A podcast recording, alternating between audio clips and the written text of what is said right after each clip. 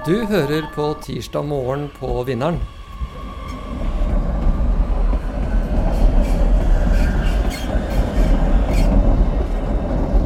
Mitt navn er Nikolai Astrup, og i dag skal vi snakke om strømpriser.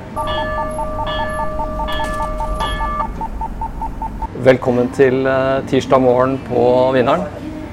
Dette er en eh, kjapp og uformell samtale hver tirsdag klokken 8 til 8.20 her fra Baker Hansen på Vinneren. Akkurat nå så holder vi spesielt god avstand, men vi er i gang med tirsdag morgen på Vinneren. Vi har besøk av eh, Nikolai Astrup, som er eh, stortingsrepresentant. Eh, har jo inntil nylig vært kommunal- og moderniseringsminister.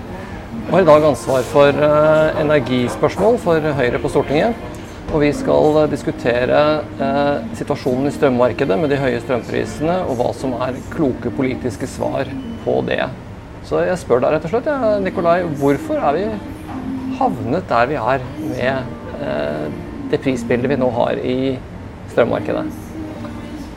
Ja, det korte svaret på det er at uh, vi står i en ekstraordinær situasjon i Europa, men også i, i resten av, av verden. Uh, og det er særlig gassprisene som eh, har gått voldsomt opp. De har økt med vel 500-600% på veldig kort tid. Og eh, samtidig så har CO2-prisene økt kraftig.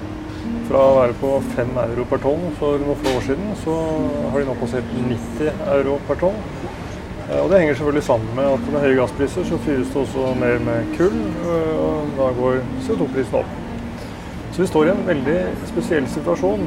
Eh, og det bidrar til at også vi får høyere strømpriser her hjemme. For vi er ingen øy eh, energimessig. Vi er koblet til andre land, og det har vi vært lenge.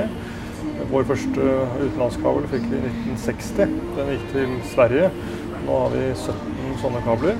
Eh, og Det betyr at vi også får et innslag av europeisk pris hos oss når vi er i denne situasjonen. I tillegg så er det mindre vann i magasinene enn det det er i et normalår. Men det er særlig dette med gass og CO2 som driver prisene. Eh, og eh, Analyseselskapet Volue Insight har jo anslått at eh, hvis gassprisene og CO2-prisene hadde vært som de var i fjor, så hadde strømprisen denne høsten i Norge vært mellom 40 og 50 øre. Jeg har konfrontert Statkraft med den samme påstanden, og de sier at det er helt korrekt. Om det da så er 38 eller 52, men, men det ligger innenfor det spennet der. Så dette slår inn hos oss. Mm. Og da er vi jo da i en situasjon med klart høyere strømpriser enn vi har vært vant til, og enn de fleste vel hadde forutsett eh, noen måneder tilbake. Eh, så hvordan bør man politisk angripe dette? Det har jo skjedd mye de siste dagene. Eh, jeg skal ikke be deg ta en full recap på alt det, men hva tenker du er kloke politiske svar i den situasjonen vi er? Jeg tenker at eh, Det viktige nå er jo at eh, myndighetene stiller opp for de som sliter med å betale strømregningen. Eh, og dette er jo helt ekstreme priser. Dette er ikke en ny normal. Dette er et, noe ekstraordinært. Og det forutsetter også ekstraordinære tiltak.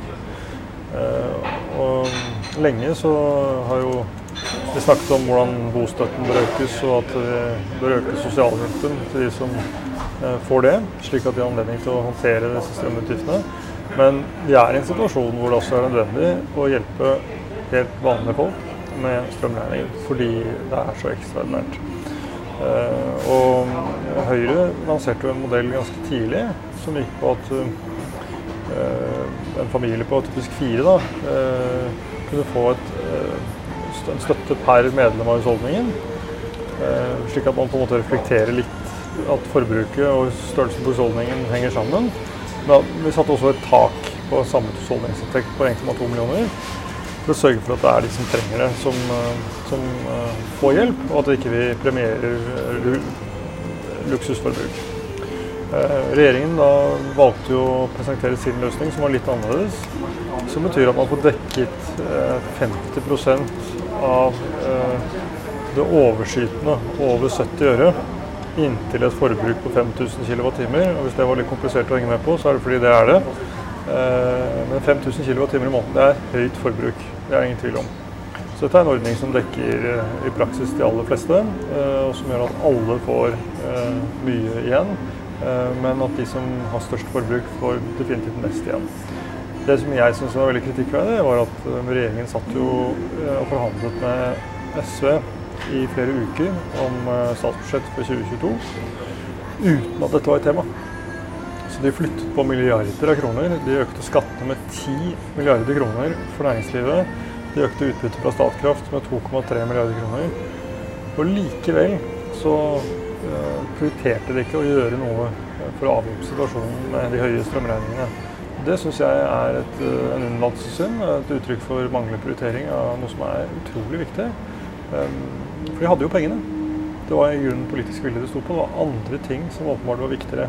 SV ville ikke på en måte forhandle bort andre seire for å få til dette. Og regjeringspartiene burde jo ha kjent sin besøkelsestid og insistert på at det er i denne pakken vi skal levere en løsning for de som nå sliter med strøm, strømregningene. Men det gjorde de ikke. Mm, nettopp. Uh, og når vi da er der i den situasjonen det har kommet, uh, Høyre har hatt sine uh, forslag, og det har kommet et forslag fra regjeringen. Hvordan eh, tenker Høyre seg spillet videre da? Eh, eh, altså spill i positiv forstand her. altså sånn, Hvordan skal man prøve å få dette jenket til på en, på en, god måte? Det haster jo litt også. Det haster absolutt. Og en problemstilling som virkelig er viktig å se nærmere på, det er jo hvordan vi skal inkludere borettslag og folk som har felles strømmåler i denne ordningen. Fordi I Oslo vet vi at det er veldig mange som bor i sameier og borettslag, som har store deler av forbruket sitt knyttet til en til eh, fellesutgifter, altså til en felles strømmåler. Og de er eh, per nå ikke omfattet av regjeringens opplegg. Så det er noe som vi kommer til å passe på at blir eh, inkludert. fordi For Oslos del så betyr jo det enormt mye. Det er en stor andel av Oslos befolkning som bor i, i borettslag. Så det er vel anslagsvis én million mennesker i Norge som bor i, i borettslag. Så det er klart at det å ikke inkludere dem, det blir veldig, veldig feil. Og så er det, syns jeg også vi må se nærmere på om det er grunn til å gjøre noe for eh, bedrifter. Eh, fordi eh, det er klart vi skal ikke kompensere for alt, men mange bedrifter står i en veldig krevende situasjon her. Industrien de har lange kraftkontrakter. De har gjerne inngått kontrakter ti år frem i tid på veldig lave priser. Så de er ikke bekymret for industrien i denne sammenheng. Men det er klart for små og mellomstore bedrifter, som gjerne er produksjonsbedrifter, og som er, hvor strøm, strøm, er en viktig innsatsfaktor, de, de, kan også bli rammet av dette. Så det er noe som vi foreløpig ikke har gått uh, så nøye inn i, men jeg tenker at vi må se om det er behov for oss å se nærmere på det. Det er mange som må rammes av pandemien, en ny runde med det i tillegg på toppen av det hele. Så, så her kan det være uh, bedrifter som går over ende hvis ikke vi tar grep. Ja, det er i sannhet en veldig krevende situasjon for, for mange mm. bedrifter og jobber. Så du var inne på innledningsvis at eh, dette har sammenheng eh, bl.a. med høye gasspriser ute. Um, Sverige er i ferd med å stenge ned uh, kjernekraft. Uh, det er lite vann i vannmagasinene i Norge. Um, og vi er jo på vei inn i det grønne skiftet. hvordan tenker du at disse tingene på en måte henger sammen? Altså når vi, når vi nå skal ta ned kull, vi skal eh, elektrifisere eh, i hele eh, Europa. Eh, hvordan skal vi på en måte prøve å jenke dette her til i årene som kommer, tenker du? Det er klart, Her vil det komme uforutsette ting, det er ingen tvil om det. Og du nevner jo veldig mange faktorer som, som nå spiller inn i, i eh, det ekstreme situasjonen som vi er i nå. Eh, som jeg også i og for seg kunne ha snakket litt om eh, innledningsvis. Og det, det gjaldt jo bl.a. at vi nå har betydelig lavere importkapasitet fra Sverige enn det vi vanligvis har. Eh, vi har en 2000 megawatt kapasitet mellom Sør-Sverige og Sør-Norge som har gått på en tiendedels kapasitet av det mesteparten av høsten. Det er klart det bidrar til høyere priser enn alt annet virker. Så har vi oppdaget da, det siste året at svenskene har underinvestert i nettet sitt over lang, lang tid. Og Det er ikke noe vi fikser over natten, samtidig som de da forsøker å fase ut atomkraft. Nå er det litt delte meninger om det i Sverige, eh, men eh, dette påvirker også oss. fordi Flesteparten av våre mellomlandsforbindelser går til, til, til Sverige. og Sunnheten i det svenske kraftsystemet spiller da inn også for oss. Så, så, her er det mange ting. Men det er klart det grønne skiftet det, eh, Problemet nå har jo ikke vært at det grønne skiftet har gått for fort, men at det har gått for sakte. Altså Det må bygges ut mye mer fornybar energi raskere. Eh, og Norge har jo er en unik posisjon eh, til både å sikre det som jeg tror er et felles mål for oss alle, nemlig at det skal være konkurransedyktige priser på strøm i Norge. Husholdningene skal ha rimelig tilgang på strøm. Eh, det skal fortsatt være mulig å etablere en ny industrivirksomhet i Norge fordi vi har tilgang på fornybar energi. Eh, så Det er det ene. Det andre er på en måte å, å, å bidra til det grønne skiftet i, i Norden og i, i Europa på den måten vi kan best. Og ser vi f.eks. på havvind, så er det et kjempepotensial. Norge har antagelig Europas beste eh, vindressurser i Nordsjøen. Eh, der kan det bygges ut enormt med energi, som også kan eh, bidra til vår egen forsyningssikkerhet på fastlandet. Det er fortsatt mulig å oppgradere vannkraften vår og bygge ut ny vannkraft enkelte steder i Norge. Det bør vi gjøre. Og så mener jeg at eh, der hvor det er lokal tilslutning til det, så må det stilles fortgang i arbeidet med landbasert eh, havvind. Fordi det er eh, billig og fornuftig å bygge i Norge, hvor vi har god tilgang på vindressurser. Eller gode vindressurser. Men vi skal selvfølgelig ikke ha det overalt. Men uh, noen steder er det definitivt plass til det i et land som, som Norge, og da må vi legge til rette for det. Så, så må vi drive med energieffektivisering. Uh, og det tror jeg nok de fleste av oss gjør akkurat nå.